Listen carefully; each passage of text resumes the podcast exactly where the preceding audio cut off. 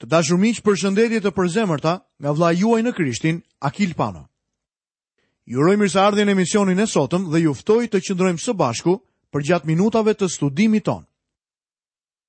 Është bekim dhe privilegj i madh që kemi mundësinë të studiojmë fjalën e Zotit dhe të lejojmë Perëndinë të ndërtojë besimin tonë më të shenjtë në fjalën e tij të gjallë. Ju kujtoj që jemi duke studiuar nga letra e dytë e apostullit Pal drejtuar Korintasve, Dhe sot në studimin tonë do të ndalojmë në kapitullin e 12 të kësaj letre. Do të shohim zbulimin e apostullimit të Palit. Në ditët e sotme, dëgjojmë shumë gjëra për udhëtimet në hapësirë. Ky ka qenë një subjekt i madh përgjatë dekadave të ndryshme veçanërisht të viteve 60 dhe 70. Në këtë kohë njerëzit shkuan në hënë, Në fakt, hëna nuk është dhe aq larg po të kesh parasysh udhëtimet e tjera hapësinore. Nga toka në hënë është një distancë e madhe por megjithatë, është e vogël po të krahasohet me distancën e tokës me Marsin apo me planetet e tjerë. Nëse dikush do të maste distancën me yjësinë tonë fqinje, Andromedën, që ndodhet në hapësirë, atëherë na duhet të themi se njeriu nuk ka shkuar shumë larg. Interesantja është se Bibla regjistron tre njerëz që udhëtuan në hapësirë dhe pastaj u kthyen. Asnjë prej tyre nuk ishte në Testamentin e Vjetër.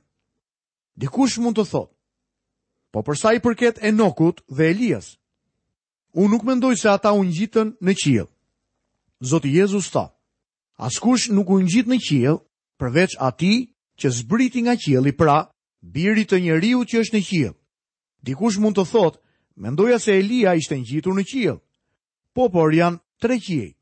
Qielli i parë është ai ku fluturojnë zogjtë e qiellit. Qielli i dytë është atje ku janë yjet e qiellit. Qielli i tretë është vendbanimi i Zotit. Elia u ngjit në hapësirën e ajrit deri në kohën kur Zoti Jezus bëri një deklaratë, nuk kishte qenë asnjë tjetër në hapësirë. Ai tha se Biri i Njeriut erdhi nga qielli. Ne dimë që edhe dy njerëz të tjerë shkuan në qiell dhe u kthyen. Apostulli Gjon në ishullin e Patmosit u ngjit në qiell. Ai shkruan gjithçka që pa dhe dëgjoi në librin e zbulesës. Ai ishte në qiellin e tretë, ku ishte froni i Zotit. Pas këtyre gjërave, pashë dhe ja. Një derë u hap në qiell dhe zëri i parë që kisha dëgjuar të fliste me mua si bori, tha. Ngjitu këtu dhe do të të tregoj gjërat që duhet të ndodhin pas këtyre gjërave. Dhe menjëherë erdha në frymë dhe ja, një fron ishte në qiell dhe mbi fron rrinte një i ulur. Apostulli Pal ishte personi tjetër që u ngjit në qiell, Regjistrimi i kësaj ngjarjeje gjendet në kapitullin që ndodhet përpara nesh. Prandaj ekzistojnë tre njerëz që ishin të aftë të raportonin nga qielli. Zoti Jezu Krisht, i cili ishte Perëndia i manifestuar në mish, tha më shumë për qiellin se kushdo tjetër dhe megjithatë, ai tha pak për të. Gjoni nuk kishte shumë për të thënë për të, ndërsa Pali me sa duket nuk kishte asgjë. Apostulli Pal në këtë kapitull na tregon diçka që nuk kishte pse ta përmendte nëse nuk do të kishte qenë i detyruar për të mbrojtur apostullimin e tij. Ai na tregon për udhëtimin e tij në hapësirë. Lexojmë nga letra e dytë drejtuar Korintasve, kapitulli 12, vargu i parë.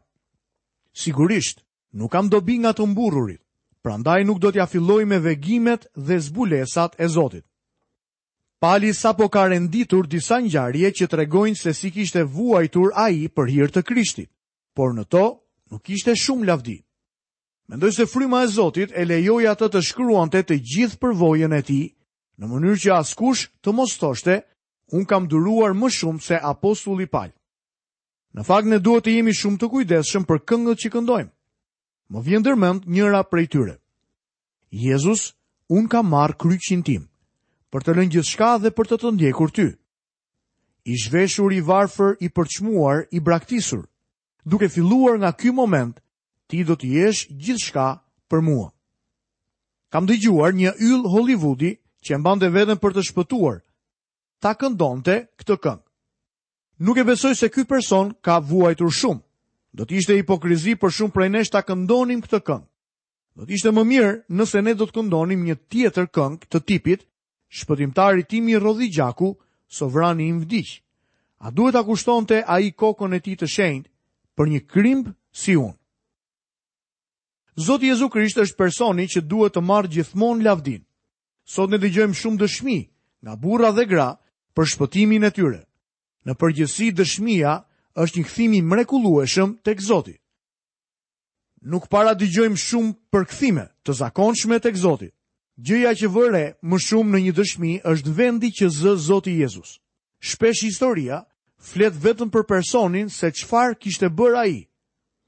si kishte jetuar në mëkat dhe se si kishte ndryshuar në mënyrë të mrekullueshme, ndërkohë që thuhen vetëm pak gjëra për Jezusin. Ndonjëherë, dikush mund të pyesë nëse ishte i nevojshëm Jezusi në këtë ndryshim apo jo. Ai merr shumë pak lavdi dhe shumë pak lavdërime në shumicën e dëshmive që dëgjoj. Para disa kohësh mora një letër nga një person i cili thoshte: U ktheva nga një sistem fetar te Krishti. Pastaj Jezusi u bë qendra e jetës së tij dhe okupimi i tij i vetëm. Ai donte të rritej në njohjen e Zotit Jezu Krisht. Kjo është gjëja më e rëndësishme. Pasi na ka treguar se sa shumë ka vuajtur për hir të Krishtit, tani Pali do të na tregojë për vizionet dhe zbulimet nga Zoti. Ne tashmë e dimë që Zoti iu shfaq Palit në rrugën për në Damask. A keni vënë re se Pali flet shumë pak për ato shfaqje personale? Këtu kemi një ngjarje tjetër. Lexoj më poshtë në vargun e dytë. Unë njoh një njeri në Krishtin, i cili përpara 14 vjetësh, a ishte në trup, a ishte jashtë trupit, nuk e di. Perëndia e di. U rrëmbye gjer në të tretin qiell. Zoti Jezus foli për zogjtë e qiellit që fluturojnë në ajër. Ata nuk shkojnë shumë lart. Përtej qiellit ku fluturojnë është hapësira që përmban yjet.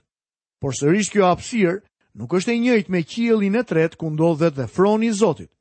A nuk ishte qesharake kur kozmonautët rusë në satelitin artificial thanë një herë se ata nuk e panë Zotin kur shkuan në hënë.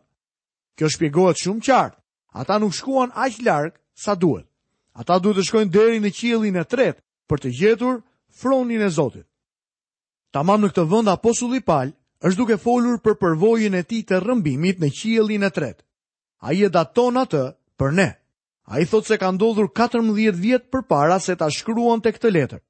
Kjo mund të ketë qenë koha kur bëri udhëtimin e tij të parë misionar. Në udhëtimin e tij të parë, na tregohet për përvojën e tij në Listra. Tek Veprat e Apostujve kapitulli katërmbëdhjetë vargjet nëntëmbëdhjetë dhe njëzet apostulli flet për këtë përvojë. Por në atë kohë erdhën disa judenj nga Antiokia dhe nga Ikoni.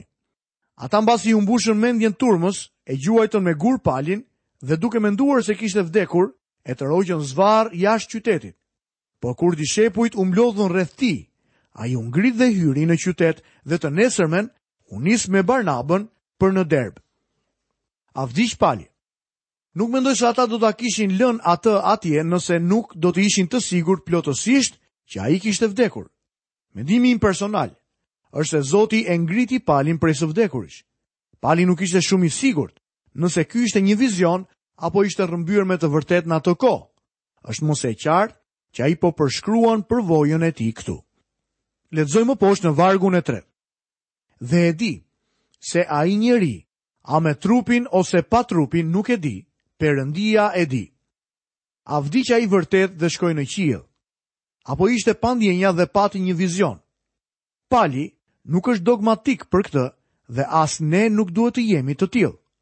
Siç thashë edhe më parë, besoj se ai vdiq dhe Perëndia e ngriti prej së vdekurish, por rezultati ishte i njëjtë edhe sikur të kishte ndodhur ndryshe. Ai kishte parë qiellin e tretë. Vini re raportin e tij. Lexojmë poshtë në vargun e katërt.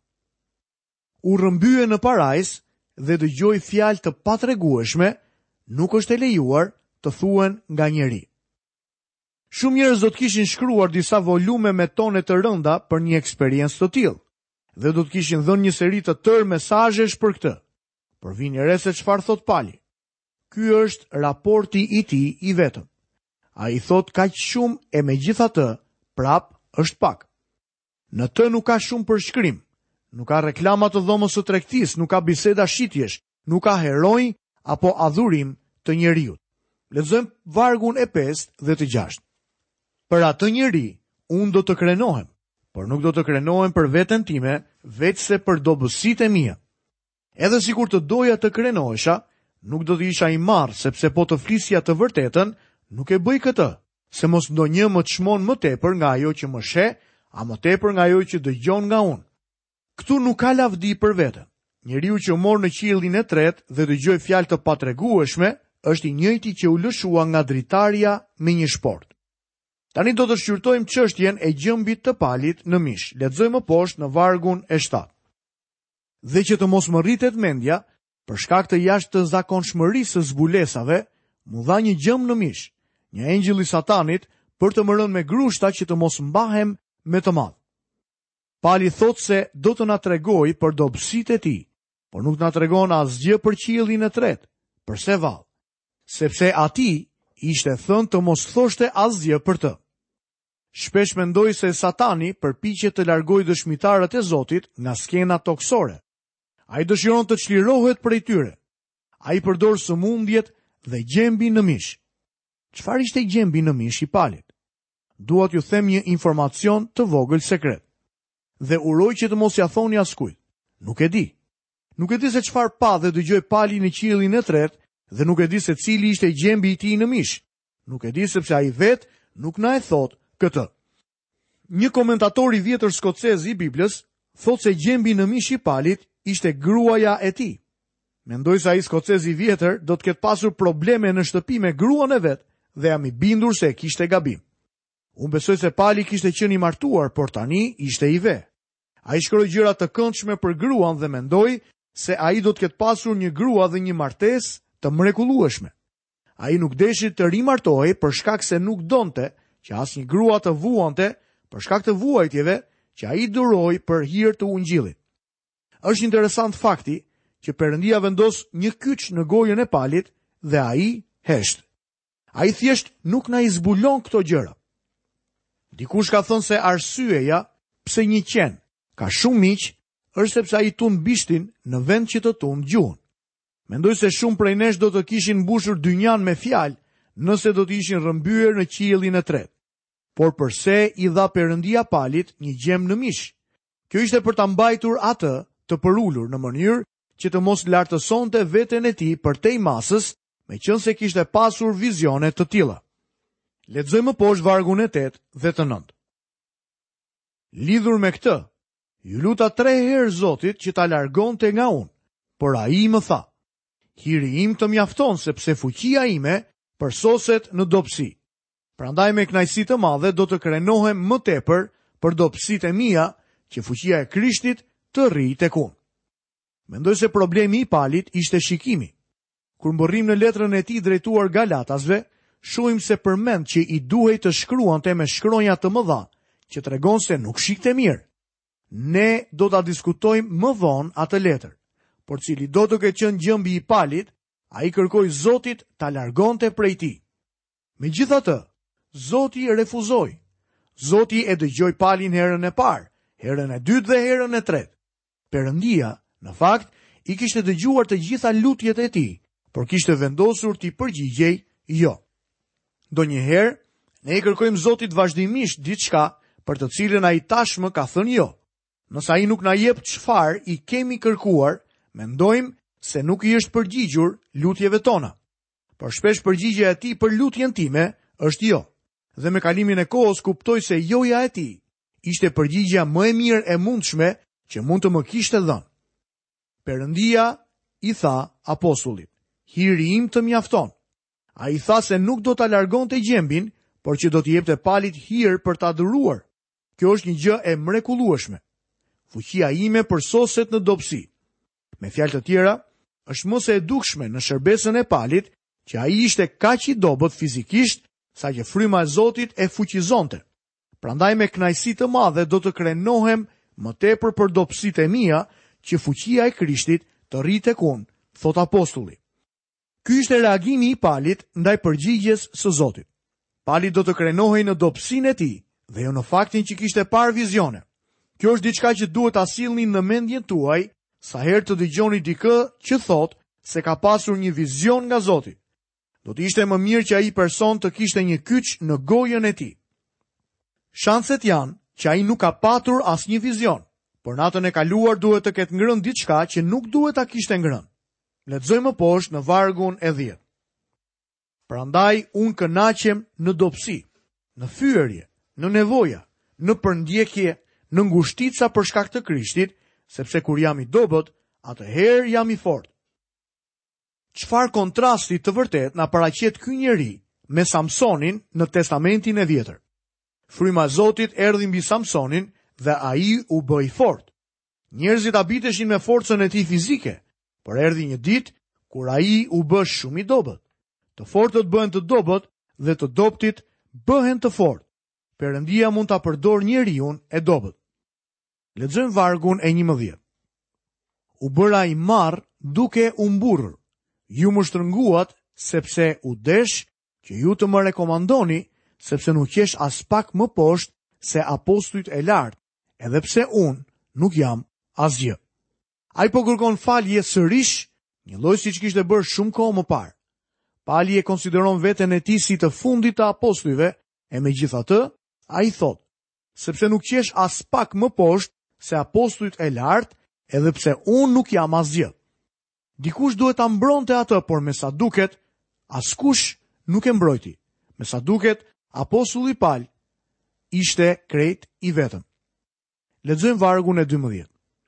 Shenjat e apostullit u vërtetuan ndër ju me durim të madh, me shenja e mrekulli dhe çudira.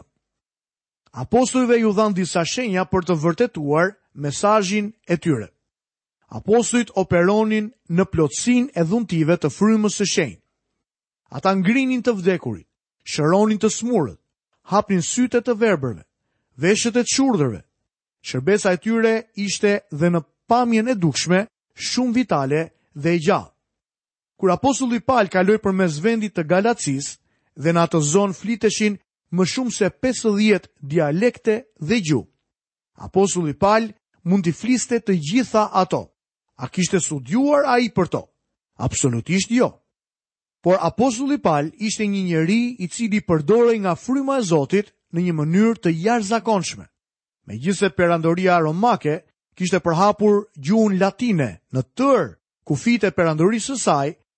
Dialektet e ndryshme të popujve nuk përkonin aspak me këtë gjuhë, kështu që apostujt u pajisën me dhuntitë e të folurit të gjuhëve të reja. Sot misionarët dhe përkthyesit kalojnë vite të tëra duke mësuar gjuhët e kombeve në të cilat ata jetojnë në mënyrë që të mund t'i përdorin. Shenjat e apostullit u vërtetuan ndër ju. Ata mund ta identifikonin Palin si një apostull, sepse në fakt ai operonte në plotësinë e fuqisë së shërbesës së një apostulli. Kështu kaluam një pjesë të mrekullueshme të shkrimit. Dikush ka thënë se një nga arsyet pse Pali nuk na tregon për qiellin e tretë është sepse një masë e madhe njerëzish do të largoheshin nga kjo botë për të vajtur atje. Nuk e di nëse kjo është e vërtetë, por di që ne do të kalonim shumë kohë duke medituar për qiellin dhe do të linim pas dore botën e humbur që ka nevojë të dëgjojë për shpëtimtarin. Qielli është vendi më i mrekullueshëm, por për të thuhet shumë pak në fjalën e Zotit. Me shumë mundësi është aq i bukur saqë gjuha njerëzore nuk mund ta përshkruajë. Puna jonë është të përpiqemi të arrijmë njerëzit me ungjillin, në mënyrë që një ditë ata të shkojnë në qiell. Edhe pse nuk mund t'ju tregoj shumë gjëra për qiellin, mund t'ju tregoj dhe mund t'ju flas shumë për atë që jeton atje. Ne mund të flasim për Zotin Jezu Krisht dhe t'i fiksojmë sytë tanë tek ai. Kjo letër e thekson këtë. Duke e parë Krishtin, ne do të bëhemi si ai. Udhëtimi shtegtar mbi këtë tokë do të ishte më i lehtë nëse do t'i mbanim sytë tanë tek Jezusi. Dielli nuk do të ishte kaq i nxehtë. Barra e ditës nuk do të ishte aq e lodhshme dhe e rëndë dhe stuhitë e jetës nuk do të ishin aq të egra nëse do ta mbanim vëmendjen tonë të fiksuar tek Jezu Krishti. Të dashur miq, ju falenderoj që keni qëndruar së bashku me mua përgjatë minutave në studimin për sot. Lutem që Perëndia të hedhë dritë mbi kuptimin tuaj në fjalën e Perëndisë në mënyrë që e ecura juaj në baza ditore të jetë një e ecur e perëndishme dhe të stabilizoni dëshminë tuaj në këtë jetë për Krishtin. Nga vëllai juaj në Krishtin Akil Pano, paçi të gjitha bekimet e Perëndisë dhe paqen e tij në jetën tuaj.